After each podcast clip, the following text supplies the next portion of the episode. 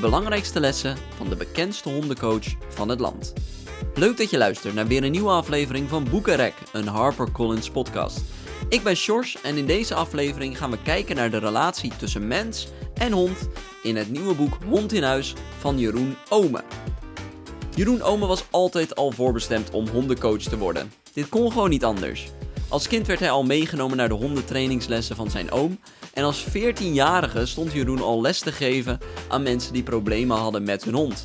Gaandeweg kwam hij in dienst van Martin Gauws en stichtte hij samen met zijn vriendin hondengedragscentrum Kinologisch Nederland in Ellevoetsluis. En inmiddels heeft Jeroen bijna alle honden getraind van bekende Nederlanders. En hij is een van de bekendste hondentrainers van het land. Maar waarin verschilt zijn methode nou met die van al die andere hondentrainers? Vandaag verwelkom ik in de Boekenrek podcast wel de bekendste hondentrainer van het land. En dat is niemand minder dan Jeroen Ome. Welkom. Hoi, ja, leuk om er te zijn. Ja, dank je dat je er bent. Hoe is het? Uh, nou, het is wel eens beter geweest, maar dat heeft te maken met dat ik uh, op wintersport wilde. Het is nogal druk geweest met het schrijven van een boek en, een, uh, en het runnen van een bedrijf. Dus we dachten heel eventjes eruit voor uh, de drukte rondom de boekpresentatie. Uh, maar ja, je hoort al een beetje aan mijn stem. de windsport pakte niet zo heel goed uit eigenlijk. Want ik ben ziek geworden en tot op de dag van vandaag nog niet helemaal bijgetrokken. Echt flink de griep. Ja, flink de griep. Ja, gelukkig geen corona, maar dit is, moet ik eerlijk zeggen, ook geen pretje hoor. Nee, nee, dat geloof ik. Ja, volgens mij is het halve land op dit moment ziek. Dus je bent niet de enige. Maar om maar even met... Ja, maar even om een moeilijke vraag te beginnen. meteen kunnen we goed van start. Welke lessen leerde jij al heel vroeg in jouw leven, persoonlijk? Zo, daar gaan we meteen mooi van start. Ja. Welke lessen leerde ik in mijn leven? ik denk ehm, dat het de belangrijkste les die ik geleerd heb in mijn leven van jongs af aan, is dat het heel belangrijk is om andere mensen te helpen. Dus um, ik kom uit een uh, heel erg warm nest, uit het Brabants geland. Um, en mijn vader was uh, psycholoog, socioloog. Uh, die zat in maatschappelijk werk. En mijn moeder kleuterleidster. En het belangrijkste wat wij meegekregen hebben is um, sociaal zijn, doen en klaarstaan voor anderen. Dus Mooi. ik denk dat dat vanuit mijn jeugd het belangrijkste is wat ik meegekregen heb. Mooi. En, en eigenlijk, eigenlijk is het wel zo dat um, toen ik met honden ging werken, toen heb ik altijd gezegd, joh, ik ben een beetje het uh, buitenbeentje van de familie. Uh, want mijn vader, hè, sociaal, mijn moeder, mijn uh, broer en zus, alle twee zitten in de verzorging. En ik ben ja, gewoon een hondenman geworden uiteindelijk. Maar hoe ouder ik ben geworden, hoe meer ik ook zie dat wat in de jeugd als zaadje geplant is, dat sociale, dat dat nog steeds aanwezig is. Want eigenlijk doe ik niets anders dan dat mijn ouders gedaan hebben. Mijn moeder dan met kinderen en mijn vader met maatschappelijk werk, is mensen helpen. En of dat het nou is dat ze een probleem hebben met een hond, of dat het is dat ze uh, een PTSS hebben, of dat uh, kinderen zijn met allerlei stoornissen. Eigenlijk is hetgene wat ik doe, is uh, mensen helpen. En dan heb ik toevallig de hond als middel om mensen verder te kunnen helpen. Ja, precies. En, en ben jij dan altijd al een, ook een dierenvriend geweest? Uh, ja, ja, eigenlijk vanaf het begin af aan al dat ik me kan herinneren. Uh, gek op honden, alleen wij mochten thuis geen hond. Want mijn ouders die vonden dat we er niet goed genoeg voor konden zorgen. Dat we die verantwoordelijkheid niet aankonden. En de, bu de buur van ons, die hadden wel een hond. En die ging ik eigenlijk altijd uitlaten tussen de middag en ging borstelen en wandelen. En, en ik weet eigenlijk niet beter als dat ik met hun hond bezig ben geweest. En toen ik een jaar of acht was of zo, toen kreeg mijn oom uh, voor de eerste keer een hond in de familie. Nou ja, eerder ook al, mijn ouders hadden al een hond gehad voordat wij er waren. Maar in ieder geval waar ik van bewust was, kreeg mijn oom een hond. Die ging met die hond trainen en ik ging eigenlijk vanaf dat hij met honds gaan trainen, ben ik ook altijd meegegaan naar de trainingen toe. En uh, ja, daar is eigenlijk ontstaan mijn liefde voor honden en het trainen met honden. En is het altijd een liefde voor honden geweest of had je ook andere dieren waar waar je altijd mee was? Nee, nee ja, gewoon zo, goede vraag. nee, ja, ik heb altijd wel paarden ook ehm, indrukwekkend gevonden en gaaf gevonden. vroeger ook wel als, als kind paard gereden. Ehm, en wij zijn wel opgegroeid ook weer vanuit huis met de natuur. Dus, dus of dat het nou was dat we een, een volkstuin hadden waar we allerlei groentes kweekten, maar ook bewustzijn van paddenstoelen in de natuur, vogels om je heen. Uh, ik ken volgens mij alle vogels uh, bij naam. Dus ook daar wel mee opgegroeid. Maar, maar dat, zijn, dat is niet datgene wat ik met honden heb als een soort van, van knuffel, vriendschap, intieme relatie. Dat is, dat is toch anders. Ja, en dat kwam echt door, door, door wat je oom deed, dat je daarbij betrokken raakte. En wanneer kwam dan dat moment dat jij dacht, oh, dit wil ik ook? Nou, toen eigenlijk meteen al. Ik was uh, een jaar of acht of zo. En ik vond dat zo verschrikkelijk gaaf. En um, nou ja, mijn, mijn oom die gaf op een gegeven moment les bij de jachthondentraining. Nou, daar moest ik natuurlijk ook mee. Dat was super cool om mee te helpen. Dus ik mocht met dode eenden gooien en met dode konijnen gooien. En die mocht ik wegbrengen. En ik weet nog wel dat die, die eigenaar van die hondenschool, die zag mijn enthousiasme. En hij zegt, nou, als je nou elke week komt helpen, dan krijg je van mij een waxjas. En nou ja, dat was mijn eerste salaris toen ik geloof ik tien jaar oud was. Maar dat was voor mij, je kon mij nergens blijer mee maken dan, dan dat ik eh, samen met de grote mensen, met hun honden, de training kon helpen met een echte waxjas aan. Dus uh, dat, dat was eigenlijk wel het begin dat ik dacht van ja, ik, ik wil, ik wil, dit wil ik gewoon. Dus ik denk dat ik een jaar of tien was of zo toen, toen ik dacht van oké, dit is het wel een beetje. En zo ben je er gewoon ingerold en nooit meer uitgerold. Ja, en, en ja, ik sta dan nog steeds wel bij stil hoor, omdat um, wij hebben een, een hondentrainings- en gedragscentrum natuurlijk ook. En we hebben ook heel veel mensen die bij ons meehelpen en kinderen die meelopen. En uh, maatschappelijke stages die we doen, ook met kinderen van 13, 14 jaar oud. En ik was 14 jaar oud toen die eigenaar van die hondenschool vroeg of dat ik les wilde gaan geven.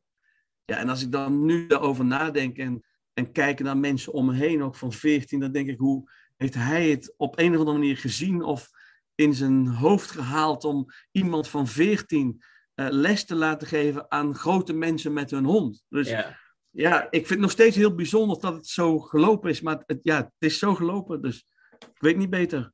En uiteindelijk leidde dit padje naar de bekendste hondentrainer van Nederland en dat was Martin Gauws.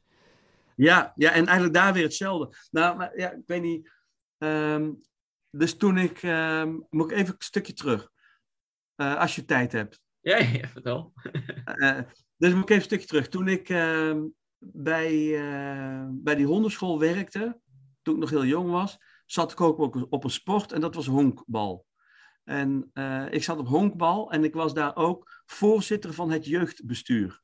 Nou, allemaal hartstikke gaaf en leuk en een mooie functie. En toen kwam het bestuur naar mij toe en die zeiden van, joh, jij werkt toch ook met honden? Ik zei, ja. zei, nou, wij gaan toevallig naar Martin Gauws toe voor een interview voor het Clubblad. Wil je mee? En ik ja, ken Martin natuurlijk van, uh, van televisie en zo. Maar ik heb nooit een link gehad of, of geweten dat Martin ook een honkballer is geweest. En dat hij oh. in het Nederlands team gespeeld heeft. En hij is coach geweest van het Nederlands team. Dus Martin was ook met honkballen een grote. Dus ik, maar ik wist dat niet.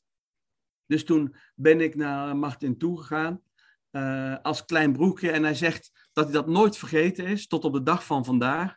Dat ik als een klein ventje van de jaar of 13, eh, 14, met mijn armen over elkaar, zo kritisch als maar kan, tegenover heb gezeten. En alleen maar geluisterd naar wat hij gezegd heeft. En hij, tot op de dag van vandaag, zegt hij nog steeds dat ik dat kleine etterbakje was die tegenover hem zat. Om hem uh, eigenlijk onderuit te halen. Of om in ieder geval te kijken of, ik, uh, of die wel echt was en dat soort dingetjes. Maar ik was zo onder indruk van het hele dierenhotel in uh, Lelystad. En er zaten ook echte wolven samen met labradors. En Martin die vond het ook wel leuk dat ik zo geïnteresseerd was. Dus toen ben ik nog een keer of twee, drie terug geweest. Ja, en dan heb ik het dus over de leeftijd dat ik tussen de 14 en 15, 16 jaar oud. Uh, om daar te kijken. Dus te lopen tussen de wolven, te kijken naar de lessen daar.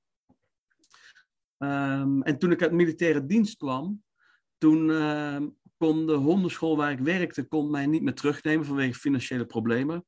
En toen zei iedereen natuurlijk, ja, maar jij kent toch Martin Gaus? En Martin Gaus die, die kent jou toch, dan ga je toch daar naartoe? Omdat ik roep tegen iedereen, ja, nee, Martin die kent mij.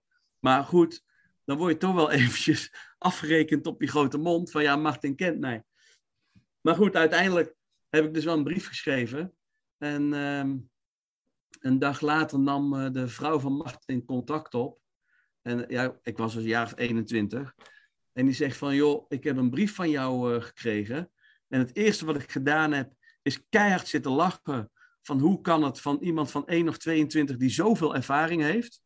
Um, daarna heeft ze een beetje lacherig die brief aan Martin laten zien.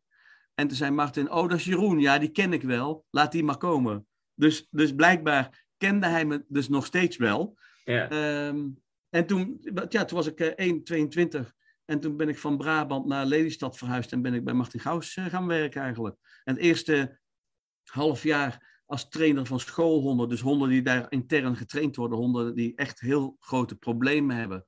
Uh, en trainer van blinde geleidehonden. En na een half jaar ben ik daar hoofdtrainer geworden. Dus... Je had ook eigenlijk, uh, je had ook gewoon niks anders kunnen worden eigenlijk, als je zo uh, kijkt naar je leven. Eigenlijk is het zo, het is dat jij dat zo zegt. En ik vertel het ook altijd, het is in, in alles wat ik gedaan heb, is van het een in het ander uh, toevalligheid is op mijn pad gekomen.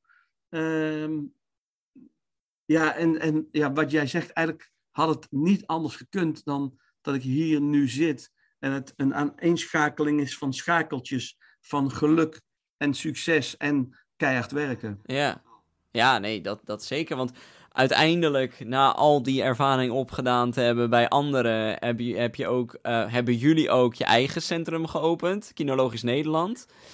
Um, wat, wat is dit voor centrum voor de mensen die, uh, die niet zo goed weten wat dat is? Nou, um, het centrum is van Debbie, dat is mijn vriendin. En Debbie die is begonnen met een franchise school van Martin Gauws organisatie. Okay. Dus toen, toen Martin heel bekend was, ja nog steeds natuurlijk, hè, maar toen hij heel bekend was, toen waren er op het hoogtepunt um, 30 hondenscholen in Nederland en volgens mij 15 in België.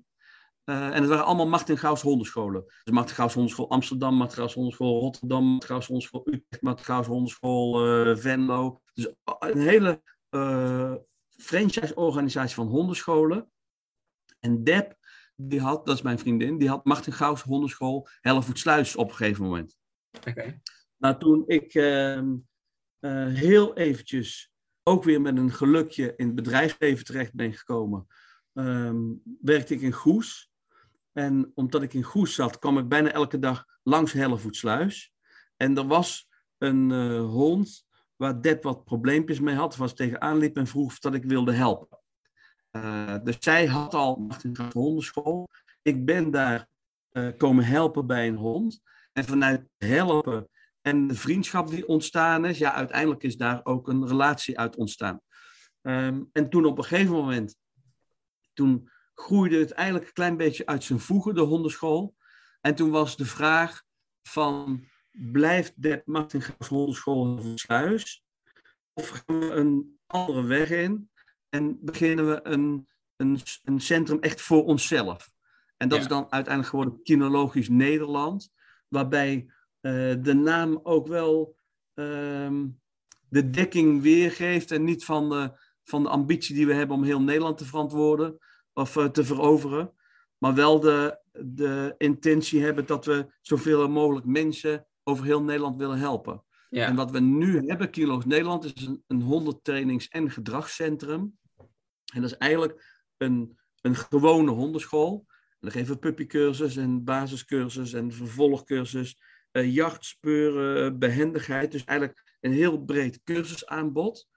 Maar daarnaast is het zo dat ik vanuit de gedragstherapie ook uh, gedragstherapie doe. Dus, dus gedragsconsulten, uh, privétrainingen, trainingen voor kinderen met allerlei stoornissen, dus therapiehonden. trainingen voor politieagenten met een hond, waarbij de politieagenten PTSS hebben. trainingen, workshops, opleiden van instructeurs.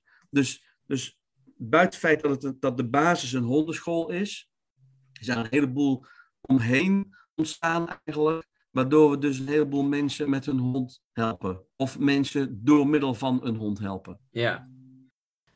Klinkt, klinkt goed. En, en, en wat is nou, als je kijkt naar... Uh, je hebt natuurlijk heel veel verschillende hondenscholen in Nederland. Heel veel hondentrainers. Allemaal mensen die weten hoe je hond moet trainen, zeggen ze. waarin verschillen, verschillen jullie nou van de rest? Ik denk dat het uh, dat een groot verschil is met wat wij hebben. Is dat we breed geschoold zijn. Dus dat we um, gestart zijn in de tijd dat de trainingen nog niet positief waren. Dus dat er vooral gecorrigeerd werd. Ja. Um, dat is voor een heleboel mensen iets negatiefs. Voor mijzelf en voor ons is het iets positiefs. En waarom? Omdat als ik vertel over positief trainen, dan weet ik waarom dat ik het heb over positief trainen, omdat ik de andere kant ook ken. Dus dat is een heel belangrijk ding, uh, denk ik. Maar jij zegt ook, dat zeg je ook in je boek, zeg je van uh, je bereikt meer met op de juiste manier belonen dan alleen maar met straffen. Ja, zeker. Dat, dat, dat, ja, dat is gewoon. Kijk, straffen komt in principe niet echt in mijn eh, vocabulaire nog voor. Uh, wil niet zeggen dat je niet af en toe een grens moet stellen. Uh, maar uh, er is wel een totaal omslag in 100 trainingsland, waarbij ik wel een van de grote aanhangers ben van positief trainen. Dus, dus dat wel. Um, maar om, omdat wij de andere kant ook kennen, um, is dat een belangrijk ding, denk ik. Omdat wij zo lang in het vak zitten. Voor mijzelf is het zo dat ik het geluk heb gehad dus om bij de politie te werken bij unit specialistische honden, met begeleiderhonden, met hulphonden. Dus vanuit mijn achtergrond heb ik zo verschillend veel honden gezien, vastgehouden, meegelopen en getraind. Dat dat ook echt wel een, een plus is als praktijkman. Um, en wat je ziet is dat wij uh, mensen mensen zijn. Dus hetgene wat wij doen in het, in het trainen op de hondenschool en de begeleiding van de mensen, is stap 1 is dat je uh, de mensen wil uh, helpen en de mensen wil bereiken. En, en dat is denk ik ook wel een essentieel punt. Dus je kunt nog zo'n goede hondentrainer zijn, maar dat zegt niks of dat je het ook over kunt brengen aan mensen in mijn carrière heb ik bijvoorbeeld bij Hulpond Nederland, uh, maar ook bij Martin Gauws, maar Hulpond Nederland gewerkt met honden trainers. Dat zijn dus mensen die honden trainen. Dus die doen niets anders dan de hele dag in een rolstoel zitten, uh, rondjes rijden, spullen laten oprapen van de grond, schoenen uittrekken, trui uittrekken en dat soort dingen. De hele dag niets anders dan honden trainen. Als je ze met een hond ziet trainen, weet je niet wat je ziet. Zo'n harmonie, uh, zoveel kennis en kunde en zo het hoogst haalbare uit een hond kunnen halen. Maar op het moment dat je zo'n trainer uh, laat uitleggen aan iemand hoe ze dat doen, gewoon helemaal niet, omdat, omdat ze het communiceren met mensen gewoon niet zo goed onder de knie hebben. Nee. En andersom ook. Ik heb mensen, instructeurs gezien, die heel goed kunnen uitleggen hoe een hond traint. Maar als je ze een hond in handen geeft, ja, dan zelf bakken ze er niet zo heel veel van. Nee, dus het mooie is ook, wat Depp en ik alle twee wel hebben, is dat we in staat zijn hond te maar ook in staat zijn om het over te brengen op andere mensen. En ik denk dat, dat die kwaliteiten wel een, uh, het belangrijkste onderscheid is met een heleboel andere onderscholen. Ja. Ja, en nu hebben we twee jaar uh, coronatijd achter de rug, uh, waarin ook heel veel mensen dachten van, nou, we moeten binnen zitten, we kunnen nergens heen. Dus we kopen maar een hond, want dan komen we buiten en dan kunnen we rondjes lopen en hartstikke leuk. Uh, en die nemen allemaal een hond. En we zijn nu twee jaar later, of anderhalf jaar later dat ze dat gedaan hebben. Die honden zitten vol in de puberteit met gedragsproblemen die daarbij komen. Ehm, wat, wat adviseer jij deze mensen? Het belangrijkste advies, denk ik, wat ik ze kan geven, is probeer je te verdiepen in de hond die je hebt. En waardoor je leert geven wat hij nodig heeft. Dus veel al is zo dat je, als je een hond in huis krijgt, um, dat ik toch ook wel zie dat het een stukje impulsaankoop is geweest. Allemaal leuk en, en met goede bedoelingen. Maar op het moment dat het gewone leven weer op gang komt, ja, dan zit je nog steeds met die hond. Ja. En, en ik zie heel veel mensen die bij ons nu komen, die bepaalde problemen met de hond, dat echt te wijten is aan eh, een stukje socialisatie, maar vooral ook onbegrip. Aan twee kanten. Hè? Dus dat de eigenaar de hond niet begrijpt en andersom ook niet. Ehm, en, en met name ook, dus niet uit onwil, maar op het moment dat mensen een hond gingen aanschaffen, waren ze niet bewust van het feit dat een hond begeleiding nodig heeft. En zij zelf ook. En dat de hondenscholen ook dicht waren. Wij zijn ook afgelopen twee jaar, ik denk bij elkaar zeven of acht maanden dicht geweest. En dat betekent dus al die tijd kun je alleen maar telefonisch adviezen proberen te geven. Maar mensen worden niet daadwerkelijk geholpen om met een hond iets te gaan doen. Nee. Dat is waar je nu tegenaan loopt. En wat mijn advies is, van ga met een trainer, ga naar een goede hondenschool die kan zorgen dat je elkaar leert begrijpen. Ja, nou, en ik, ik zie ook wel veel, als ik uit de ervaring mag spreken, veel mensen die dan nog nooit een hond hebben gehad en die kopen dan een hond. Maar dat is dan meteen best wel een heftige hond, weet je wel? Waarvan je echt weet van, nou, daar zit, daar moet je of echt heel veel mee wandelen, of daar moet, je moet heel veel energie uit, of daar moet je echt heel consequent bij zijn. Zie je dat soort dingen ook? Dat mensen vaak een hond kopen die gewoon, dat ze zich niet zo verdiept hebben op wat voor karakter die honden kunnen hebben? Ja, ja en, en ik had meteen al Um, ik had vorige week voor, um, um, voor het boek Hond in Huis had ik een interview met RTL Nieuws. Uh, waarbij ik dat ook genoemd heb. Ik heb genoemd van, joh, je ziet toch heel veel mensen die ineens een hond willen hebben. Uh, niet heel goed verdiepen in de achtergrond van de hond. heel veel honden die bijvoorbeeld ook uit het buitenland komen. Dus ik had in dat interview gezegd dat ik nogal wat honden zie, en nog steeds, die uit het buitenland komen, die helemaal niet geschikt zijn om hier te leven in de maatschappij. Nou, als meteen eh, heel uh, Facebook ontplofte, hoe dat nou wat kunnen zeggen.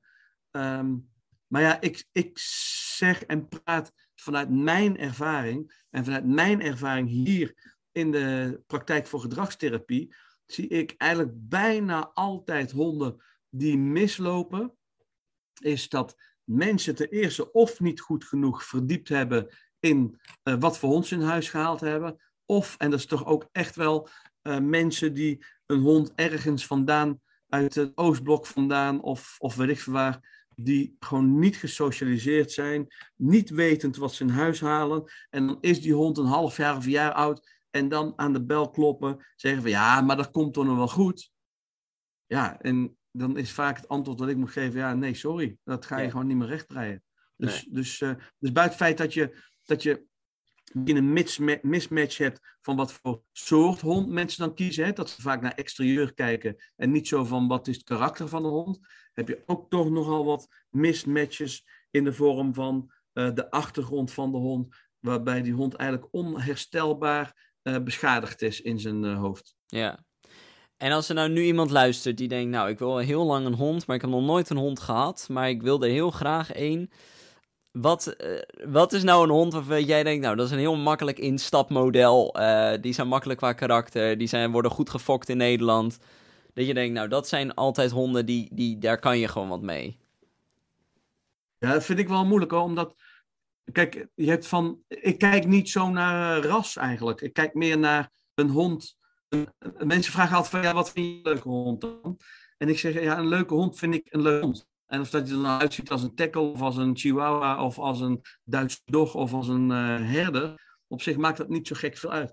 Ik zeg wel altijd, maar dan moet je ook weer mee oppassen natuurlijk. Hè, want als, als een hond populair is, dan is het ook meteen weer vragen om problemen. Dus als je kijkt naar de Labradoodle, iedereen wil op een gegeven moment een Labradoodle, omdat die zo makkelijk is. Nou, ik zie echt heel weinig labradoodles die makkelijk zijn tegenwoordig, omdat er veel meer in de fok gekeken wordt, zonder iedereen over één kant te scheren, hè, dat wil ik wel erbij zeggen, maar gekeken wordt naar hoe kun je die honden zo snel mogelijk vermeerderen om geld mee te verdienen. Als je kijkt naar hoe kunnen we de beste honden met de meest stabiele karakters maken. Maar voor mezelf, en dus echt voor iedereen die luistert, alleen echt zeg ik dit voor mezelf, uh, ben ik helemaal knettergek van Labradors. Een Labrador vind ik misschien wel een van de meest ongecompliceerde honden die er is. En dan heb je nog steeds van die hele drukke, overdreven, drukke labradors, dat weet ik, die zijn er allemaal.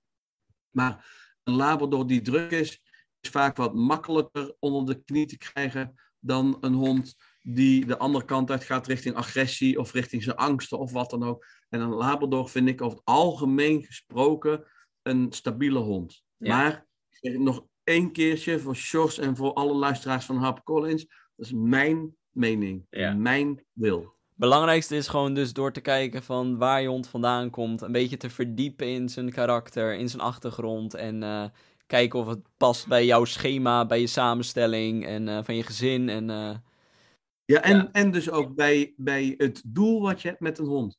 Kijk, je hebt, je hebt er mensen bij die zeggen, joh, ik wil een hond die, die niet te makkelijk is. Hij mag best wel eigenwijs zijn, hij hoeft niet te luisteren. Ik wil gewoon een hond waar hij lekker mee kan werken. Dat is natuurlijk ook goed, hè. Kijk, voor, voor mijzelf hoef ik dat niet per se, omdat ik altijd met honden werk. Hoef niet per se thuis ook nog een heleboel gedoe met een hond te hebben. Maar je hebt er ook mensen bij die vinden het schitterend, jongen, als een hond die, die op het moment dat je zegt ga zitten, dat hij je drie keer aankijkt zegt nee. En, en dat je daar dan mee aan de slag moet om te zorgen dat je het wel voor elkaar krijgt. Ja, dat kan natuurlijk ook. Hè? Dus het ligt, ligt echt aan van wat, wat voor doel heb jij met je hond? En dan kun je gaan kijken, oké, moet je dan groot of klein of, of jong of oud? En weet je wat, dan kun je al die andere dingen. Maar wat, wat, wat verwacht je van de hond? Wat wil ik ermee? En als je, dat, als je dan eenmaal die hond hebt en je wil meer weten over hoe je hem kan opvoeden en uh, hoe je zijn gedrag kan begrijpen, dan moet je gewoon het boek Hond in Huis van Jeroen Ome lezen. Ja, en dat niet alleen. Want weet je wat het ook is, vind ik hè. Um, ook als je een hond aan wil gaan schaffen. Dus, dus niet alleen, je hebt een hond. Um, Oké, ik wil daar de beste begeleiding op. Ik ga het boek aanschaffen en ga ermee aan de slag.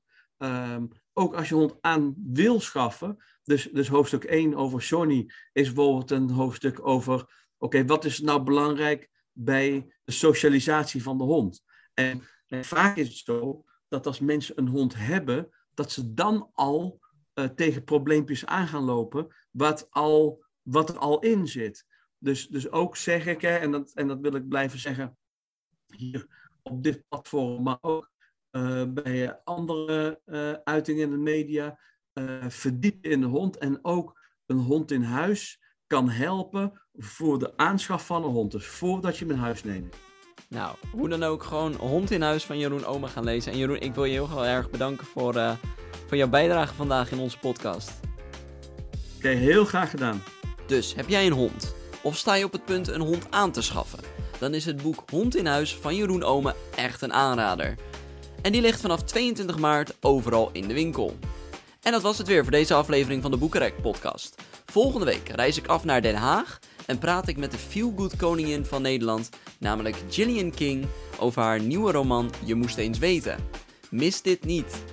En voor nu wens ik je nog een hele fijne dag. Blijf gezond, geniet van de lente en blijf vooral lekker lezen. Tot de volgende keer.